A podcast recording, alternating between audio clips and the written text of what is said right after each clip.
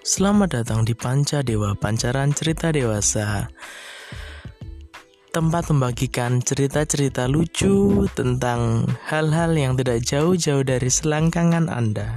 Hahaha.